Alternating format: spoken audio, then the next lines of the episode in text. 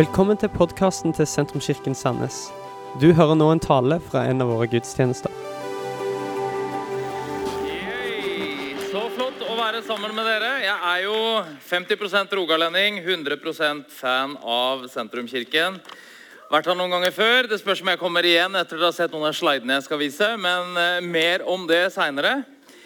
Eh, jeg hadde vært i en menighet et sted og talt om Gud som gir nye sjanser. Og Jeg hadde snakka om eh, Peter, og noen av dere som er kjent i bibelhistorien, husker kanskje at han dreit seg ut ganske grundig.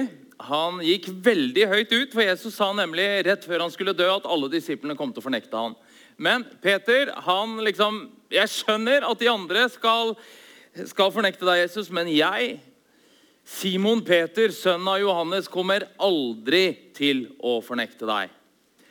Og så går det noen timer, og så galer han tre ganger, sånn som Jesus har forutsatt, og så fornekter Peter Jesus. Og Likevel så går det bare 50 dager, og jeg mener han står på torget og banner liksom at han ikke kjenner Jesus. og Så går det 50 dager, og så er det han som står på torget igjen. Og denne gangen som leder for den eh, første kristne menigheten. Og Poenget mitt var at Gud er en Gud som alltid gir nye sjanser. Og Det er jo sant, og det er kjempeviktig og det er kjempebra. Og Etter denne talen så sto jeg ute i foajeen der og solgte bøker, eller hva jeg gjorde, så kom det en dame bort til meg. Og så sa hun sånn som dette her. 'Jeg har tenkt', sa hun. Eh, og det hun hadde tenkt, det var, dette var nemlig på et tidspunkt hvor IS drev og drepte religiøse minoriteter nede i Midtøsten. Forferdelige greier. Og denne dama hadde tenkt sånn som dette her. Tror du ikke det? At hvis vi ble truet på livet, at Gud ville forstå at vi sa at ikke vi trodde på han, men vi trodde fortsatt i hjertet, og så ba vi om tilgivelse etterpå. Tror du ikke at Gud ville forstå? Ofte så syns jeg ikke jeg har så glupe svar når folk kommer og spør sånn. Jeg kommer på det etterpå hjemme, liksom, hva jeg skulle sagt. Men akkurat der og da så syns jeg jeg fikk et bra svar. Så jeg sa til henne at det, det virker jo ikke akkurat som at de kristne martyrene, de som ga livet sitt for troa, tenkte på det på den måten. At det var en option, liksom. Å nekte først, og så bekjenne etterpå, og så er alt greit. For det er jo noe med det at Problemet er vel ikke det at Gud ikke ville forstå. Jeg mener, Han veit jo hva vi er lagd av, alle sammen, og vi knekker som fyrstikker hele bunten. Det er ikke problemet. Problemet er at vi ville jo ikke hatt noen kirke. Grunnen til at vi har en kirke i dag, er jo nettopp det at noen har båret troen og satt det at andre skal få liv, høyere enn sitt eget. Kirken er liksom ikke en kameleon som har kamuflert seg gjennom historien. og Vi har ikke troen her i dag. Den er ikke båret fram av de som alltid valgte å redde sitt eget skinn, men av dem som valgte heller å bære Kristi kors. Og likevel, Jeg vet ikke om hun dama var så veldig fornøyd med svaret hun fikk, men eh, jeg tenker at hun representerer en eh, en del av et sånn tankesett som kjennetegner tida som vi lever i i dag. Og jeg skal begynne der først. Og jeg vet Det er litt tøft med filosofi på, på morgenkvisten. og Nødutgangene er der, og det kommer oksygenmasker ned fra taket hvis det varer lenge. dette her. Men det er en kanadisk filosof som heter Charles Taylor, som har skrevet, uh, skrevet, mye bra og interessant. Og En av de tingene som han har beskrevet som et kjennetegn på vestlig kultur, det er det han kaller subjective turn. Altså en endring mot subjektet. For mens vi før Her er noen som går allerede. liksom, altså vidt begynt med Charles Taylor. Ja, ja. Hang in there! Det kommer snart norsk popmusikk. ok? Eh, Charles Taylor snakker om at mens vi før forholdt oss til ytre autoriteter, enten det var kongen eller Gud eller keiseren eller presten eller lensmannen eller hvem det var, så er vi i mye større grad har sannheten flytta inn i oss selv. Hvor vi er konger i vårt eget kongerike og sentrum i vårt eget moralske univers. Så bruker Charles Taylor det han, han kaller denne etikken for hvordan skal vi leve, kaller han for 'ethics of authenticity', autentisitetens etikk. Hvor det høyeste målet er å være tro mot oss selv. Ikke mot noen ytre standard, men mot oss selv. Og Dette preger hvordan vi forholder oss til hverandre. fordi jeg kommer inn i en relasjon først og fremst for å se hva jeg kan få ut av den. Det er som en annen amerikaner som forska på på smågrupper i USA for en del år tilbake. og Når han skulle liksom prøve å beskrive det fellesskapet som var i disse smågruppene, sa han at det er ikke reelt fellesskap. Det er mennesker som kommer sammen for å snakke om seg selv i andres nærvær. Og Det er jo noe helt annet. Liksom En gang i uka så kommer vi sammen og så prater jeg om meg sjøl. Sitter alle de andre og hører. Og Så kommer nestemann og prater om seg sjøl. Og de andre hører egentlig heller ikke. De bare sitter og forbereder sitt eget innlegg om seg selv. Og det gjør oss jo ikke til større mennesker, men det gjør oss til mindre mennesker. Så når kvinnen kommer og spør tror du ikke det at Gud ville forstå, så er det kanskje ikke så rart hun spør. Fordi vi marineres jo i denne kulturen alle sammen. Men det at vi alltid skal sette oss selv i sentrum, det er egentlig ikke gode nyheter verken for oss eller for verden. For vi kan ikke bygge noen meningsfulle relasjoner av så porøst materiale. Tvert imot, sier Charles Taylor, at det er nettopp når jeg definerer meg selv i lys av noe som er større enn meg selv, at jeg kan finne en identitet som ikke er triviell. Det var filosofleksjonen for i dag. Nå skal vi ha norsk popmusikk. Sondre Julstad har nemlig skrevet en fantastisk sang som er en bønn. Han veit nok ikke sjøl, men det er en bønn som heter 'Riv i hjertet'. Gi en applaus til husorkesteret, dere. Jeg kommer tilbake etterpå. Det var ikke alt.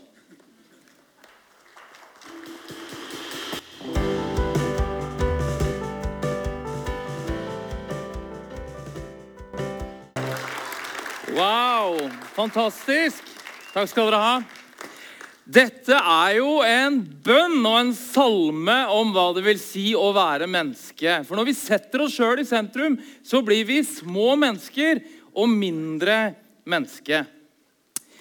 Hvis jeg skulle sette ett ord på Sondre Julstads sang, så er det entusiasme. Og det er det jeg har lyst til å snakke om i dag. Det å brenne for noe, det å være framoverlent og engasjert og ivrig og gira og bry seg Og det er jo det dere snakker om denne serien her. Hvem bryr seg? Og Før jeg går i gang og snakker om entusiasme, så har jeg lyst til å bare kvalitetssikre det litt. For én ting er å være engasjert. Men det å være engasjert er jo i seg selv ikke spesielt positivt hvis ikke du er engasjert på rett måte og i rett ting. Se på denne Tre på gaten fra Sydsvenska Dagbladet, hvor spørsmålet er Hva syns du om eh, produkter lagd av barn? Og hvor da Tina på 37 svarer Bryr du deg om varene du kjøper, lages av barn? Ja, barn har ingen følelse for kvalitet, og det merkes på produktene. Nå er vel egentlig ikke problemet med barnearbeid at produktet blir dårlig, men at de låser små unger inn i fabrikker hvor de sitter og jobber hele dagen. Så Det er liksom noe med å, det er fint at du har et visst engasjement mot barnearbeid, men du må liksom lite, vite litt hvorfor. Da kan vi ta bort det bildet. Og Det er jo her denne bønnen Gi meg noe som betyr noe, noe som jeg virkelig kan tro på. Du vet at vi ble skapt for å leve for noe mer enn oss selv. Og Bibelen tegner et bilde av Gud som skaper. Og Gud som skaper alt med en hensikt. Det som var øde og tomt, det skaper han fullt av liv. Og så sier han 'la oss skape mennesket i vårt bilde'. Og så former han det av støv fra jorden, leser vi, og så blåser han livspust i det, og så ser han at alt han har skapt, er godt. Og du, Ikke mist meg nå om du syns at liksom, det er mye i denne historien som virker fryktelig rart, om ribbein og slanger som prater, og, og, epler og alt. liksom. Om du tenker at dette er bokstavelig eller ikke, det er ikke viktig her nå. Det som er veldig tydelig i Bibelen, er at Gud skaper alt med en hensikt. Og historien har en retning. Og vi som mennesker vi settes inn i denne gode skapningen som Gud har gjort, for å vise hvem han er. Skapt i Guds bilde hva betyr noe det? Det betyr sikkert mange ting. En ting er at Det sier noe om vår verdi, uavhengig av hva vi får til, men at vi er verdifulle i oss selv. Men det sier også noe om vår rolle i verden. Eh, og vi kan si, Det er en, en britisk teolog som snakker om at det å være skapt i Guds bilde, da bruker han bildet med det han kaller det 'angled mirror'. Et speil som står i en vinkel, sånn at eh, når Gud ser på dette speilet, så ser han ut i verden, og når mennesker ser på speilet, så ser de Gud. Og vi som er disse skapt i Guds bilde, skal være nettopp det. Som individer og som kirker et sted som viser verden hvem Gud er. Og alt er bra, og alt er fint, men så blir kvinnen sulten. Og jeg vet ikke om det er liksom at mannen er lei av å snakke med henne, men hun begynner å snakke med en slange i denne begynnelsen av fortellingen. Og det er nå jeg lurer på om jeg liksom har tråkka litt ut av det da, med den der, eh, med, med slidene mine. Hvis vi tar neste her nå. Eh, hvis Adam og Eva var kinesiske, eh, så hadde det jo ikke vært noe problem, for da hadde de jo spist denne slangen.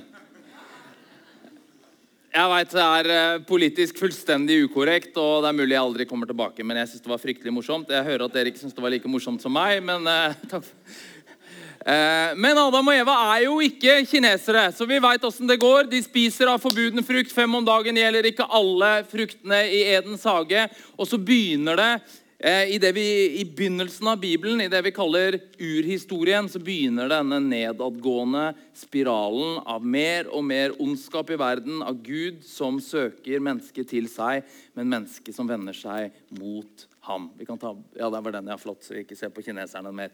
Eh, og så kommer vi eh, helt mot begynnelsen av begynnelsen på Bibelen, i kapittel 11, hvor det som en gang var godt, nå ikke er godt lenger. Og det ser ut som historien som Gud ville fortelle i verden, blir veldig kort og veldig trist. Og Kanskje er det ikke så veldig tilfeldig at den mest brukte begravelsessangen i Storbritannia er I Did It My Way.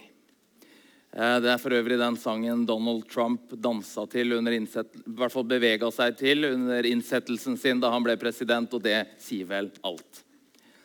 Ok, Så historien ser litt sånn trist ut, og så skjer det noe, dere. Og Jeg bare prøver å male et litt stort bilde for dere her.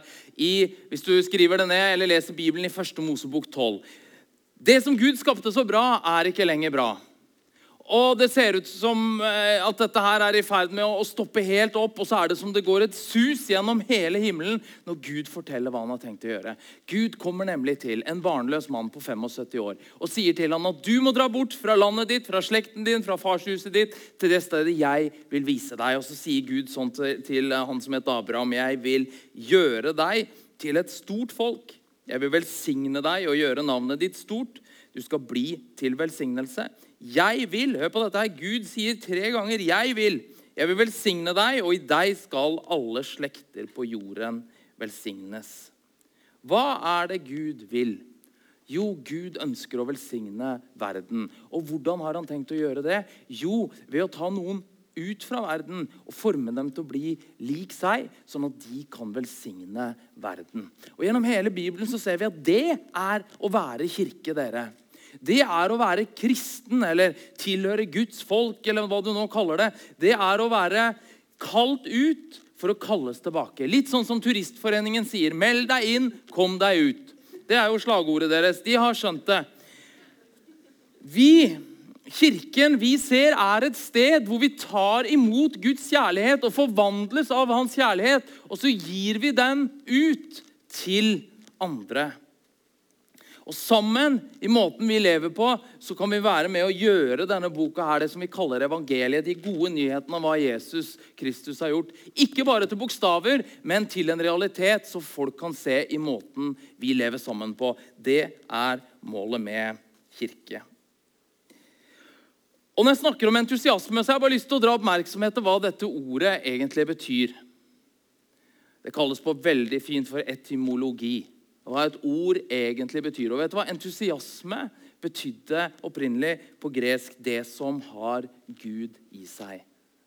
Det som har Gud i seg. Og du vet at Når vi er entusiastiske, så er jo ikke det bare for at vi har tatt for mye Møllers tran.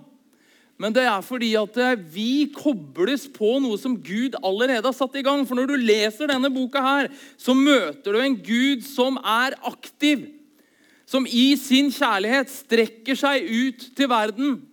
Helt i begynnelsen av boka, når han først skaper alt godt, og Adam og Eva, de første menneskene, roter det til, eh, så kommer, leser vi at Gud kommer gående i den stille kveldsvinden. Og Adam og Eva har jo plutselig skjønt at de er nakne, og de har gjemt seg bort. Og så spør Gud dem, 'Hvor er du?'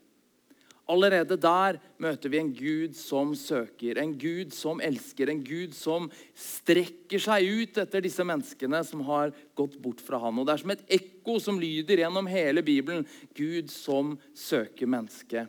Når vi kommer i slutten av boka, så skaper alt Gud alt godt igjen. Han tørker bort hver tåre. Han setter i orden alt som er ute av vater. Og midt imellom der hvor du og jeg lever nå, så inviteres vi til å ta imot hans kjærlighet, til å forvandles til å bli lik han, og til å delta til å gjøre verden til et bedre sted.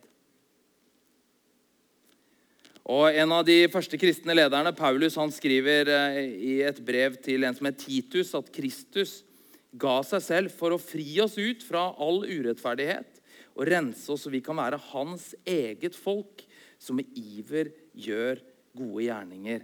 Et folk som bryr seg. Og Det dreier seg selvfølgelig om en positiv holdning til kirken vi er en del av. At vi bare ikke sitter med armene i kors og liksom betrakter alt som skjer og prøver å finne feil. Jeg pleier å si det hjemme at Hvis du har kommet for å finne feil i Salt Skien, så kommer du til å gå utrolig fornøyd hjem, for der er det veldig mye som ikke funker. Men hvis du kommer for å bidra, for å være ivrig, for å bry deg, og det samme i verden. At vi ikke bare liksom sitter og er en del av problemet, men vi bidrar til å gjøre en bedre verden. Vi strekker ut en hånd til dem som trenger det. Vi går en ekstra mil. Vi bryr oss. Ja, hvorfor det, da? Fordi entusiasme er det som har Gud i seg. Fordi vi ønsker å ligne på Gud, som strekker seg ut. Nå snakker jeg med entusiasme. Det er fint at det er litt entusiasme. Det er uh, Selv på Østlandet Jeg mener selv Levanger, som jeg var i ja, Sist søndag. Men jeg, så la meg få lov til å bare adressere én ting til før jeg skal snakke om entusiasme. Det kan være noen av dere som kommer hit og som har vært entusiastiske en gang i livet, og du har bare brent deg ut på et eller annet kristent arbeid. Jeg har lyst til også å si at uh, vi skal selvfølgelig ta ansvar for vårt eget liv. Vi kan jo noen gang komme inn i det her Messias-syndromet. ikke sant? Hvis ikke vi gjør noen ting, så er det liksom ingenting som skjer. Og så ender du opp som en sånn surmaga gammel martyr i menigheten som ikke klarer å glede deg over noen ting fordi du går rundt og støvsuger og er et popkorn igjen på gulvet liksom etter fredag når det var 100 ungdommer innom, så klarer du ikke å glede deg over det. Det er ikke sånn entusiasme jeg snakker om. Som om Gud var et halvfabrikat liksom, som blir hel bare når du sliter deg ut for han. Det er ikke det vi snakker om, men dette er Guds oppdrag. Det er Gud som holder på med noe i verden. Og vi får lov til å delta i det Gud gjør. Vi får lov til å ligne på Gud. Det var Gud som talte først, og alt annet er et ekko. Så vi vil, men hvorfor vil vi? Vi vil for det Gud vil.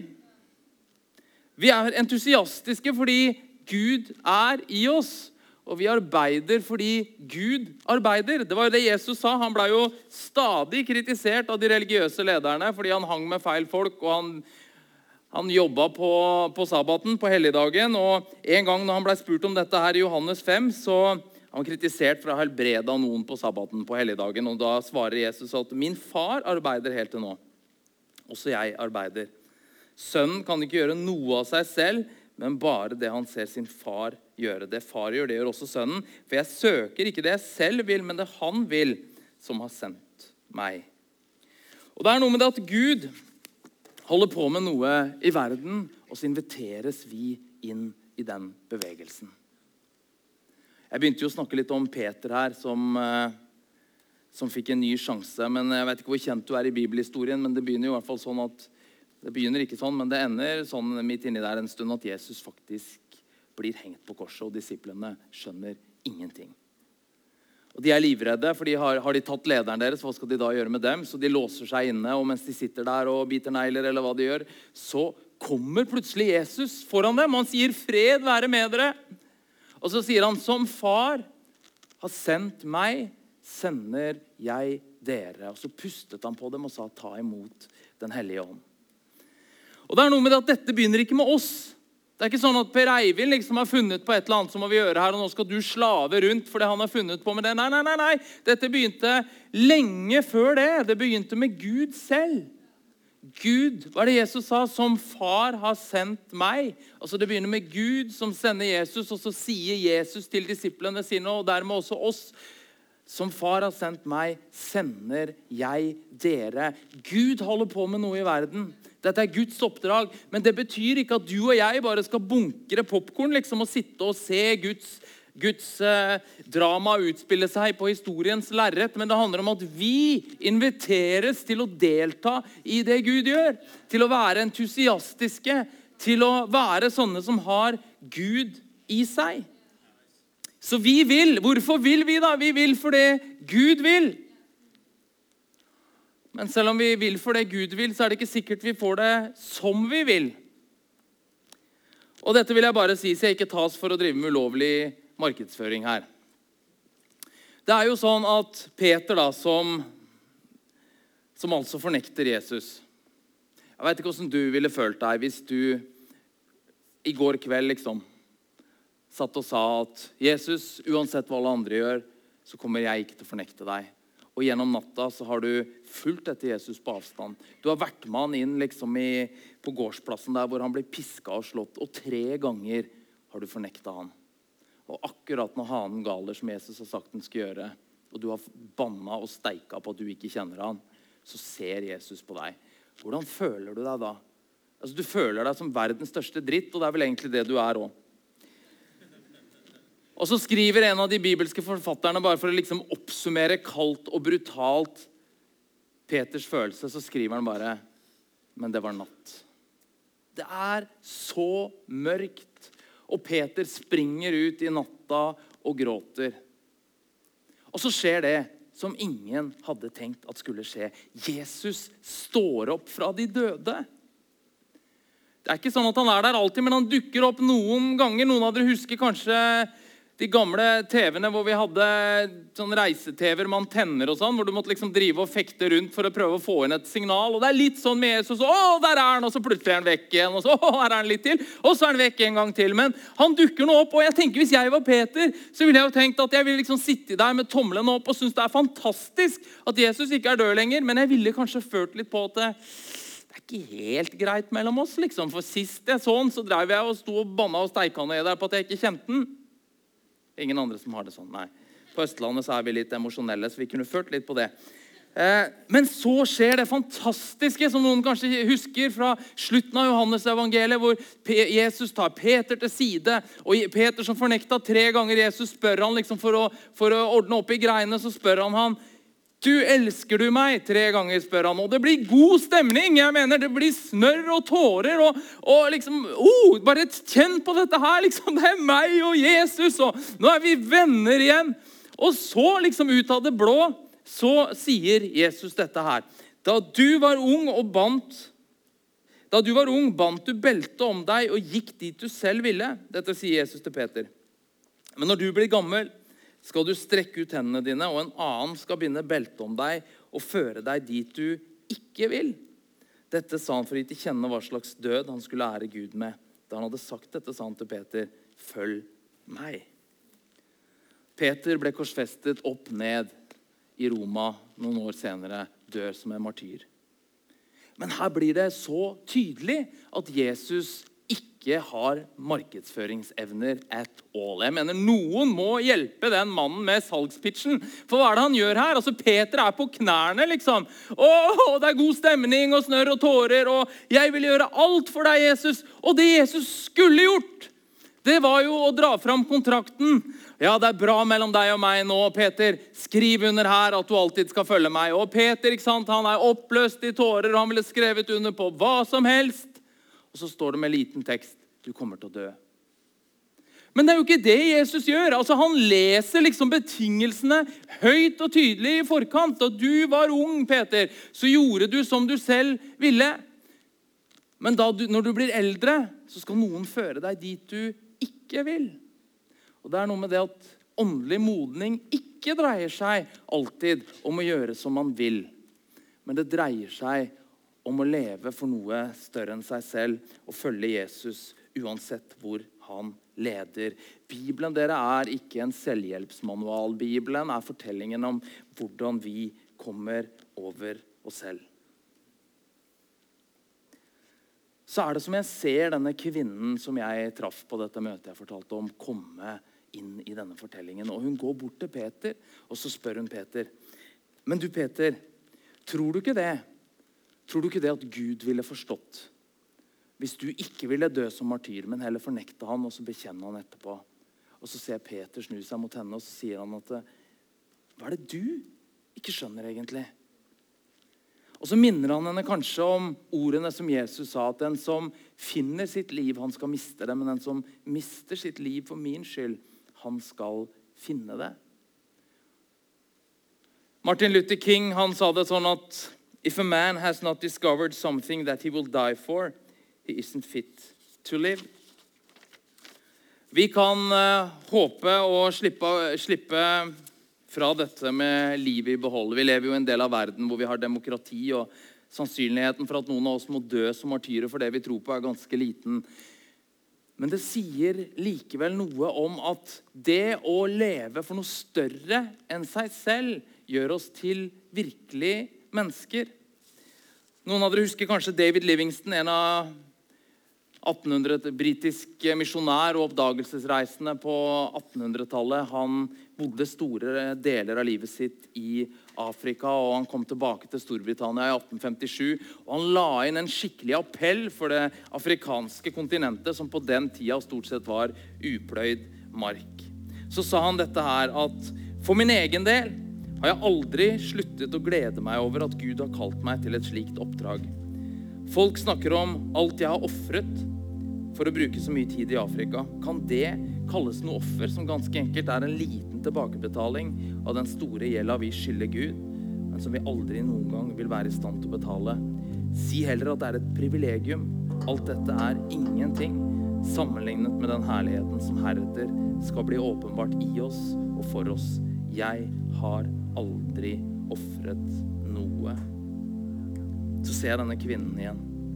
Og Hun står liksom og lurer litt i skyggene der, og så skal hun gå fram og snakke med David Livingston. Og... Men så setter hun seg. For kanskje har hun forstått at dette ikke først og fremst dreier seg om å leve for seg selv eller redde sitt eget skinn, men å finne seg selv i å leve for noe som er større enn seg selv. Og her er den ulovlige markedsføringen som jeg ikke vil bi meg inn på. Du vet det at det, det har en prislapp å følge Jesus. Men dere, det er ikke gratis å la være. Og jeg tror at et av de store bedragene i vår tid, det er at vi blir så opptatt av å finne oss selv og sette oss selv i sentrum at vi mister selve livet med stor L i forsøket. For så lenge vi er fulle av oss selv, så, så, hindrer vi Gud i å velsigne oss sånn som han ønsker at vi skal gjøre. Og vi stenger oss selv ute fra å leve fulle og fullverdige liv. Vi tvinges til å være til å være vår egen lykkes smed, men jeg frykter at et, i et samfunn av smeder så blir det mange sverd og lite lykke. Hvem bryr seg? Jeg har lyst til å svare for oss alle sammen. At vi bryr oss, men du skal få lov til å svare for deg sjøl. Men som Guds folk så må vi bry oss. Vi kan ikke bare sitte og ha nok med seg selv. Det er en contradiction, en motsigelse av hva det kristne livet dreier seg om. Og Jeg har prøvd å tegne et bilde denne halvtimen her av hva Gud holder på med, for å gi entusiasme et mer solid fundament enn at dette er dugnadsarbeid som du og jeg legger inn i kirken, på samme måte som vi selger pølser i fotballforeningen. Altså jeg mener Du kan bli drittlei av å være på dugnad. Du kan bli drittlei av å stable stoler i kirken. Nå stabler vel ikke dere stoler, men et eller annet annet gjør dere jo. Men da må vi ha en entusiasme og en omsorg og noe som gjør at vi bryr oss, som stikker dypere enn det. At vi skal gjøre vår kvote, så vi får liksom foreningen til å gå rundt. For her er det noe mer. Entusiasme. Det som har Gud i seg. Og vi møter i Bibelen en Gud som går gjennom ild og vann. Som gir seg selv i kjærlighet. Og så er det kristne budskapet en invitasjon til å ta imot denne kjærligheten. Elskes betingelsesløst, men også å reflektere den til mennesker og verden rundt oss. Og vi skal ta ansvar for å leve bærekraftig liv. Vi er ikke Gud, men eh, det er et bedrag at vi må sette oss selv i sentrum for å leve lykkelig. Og hvis du og jeg kunne gå tilbake i kirkehistorien og snakka med Paulus og Martin Luther King og mor Teresa, og jeg mener vi kunne liste dem opp, disse folka som det faktisk kosta noe for å følge Jesus, er helt overbevist om at de ikke ville sitte der og angre på alt de ofra, men de ville si at nei, når jeg ga dette for Jesus, så fant jeg selve livet. La meg elske, la meg gråte, la meg se, la meg reagere. Vekk meg til liv. Herre, det er vår bønn i dag. Vekk oss til liv. Du ser hvor lett vi sitter fast i dette klisteret som, eh, som kjennetegner kulturen vi lever i, hvor det er så mye om hva jeg kan få ut av alt, alt sammen. Og Herre, jeg ber om at du skal vise oss At du skal vekke noe til live i oss hvor vi skal bry oss, og hvor vi skal gi inn av vårt engasjement. Jeg ber også hvis det noen, er noen i dette rommet her som egentlig bare er utslitt for alt de har gjort for deg, at de ikke skal kjenne på fordømmelse, men de skal kjenne på at de kan være mottaker av din kjærlighet. Takk at det er vi alle sammen. Og så ber jeg oss om at når vi tar imot denne kjærligheten, at vi skal reflektere den ut til verden vi er en del av. I Jesu navn. Amen. Dette var slutten på denne talen. Håper du har blitt inspirert. Om du har lyst til å vite mer om hvem vi er, eller hva vi gjør, eller har lyst til å høre flere podkaster, så kan du besøke vår nettside sentrums.no.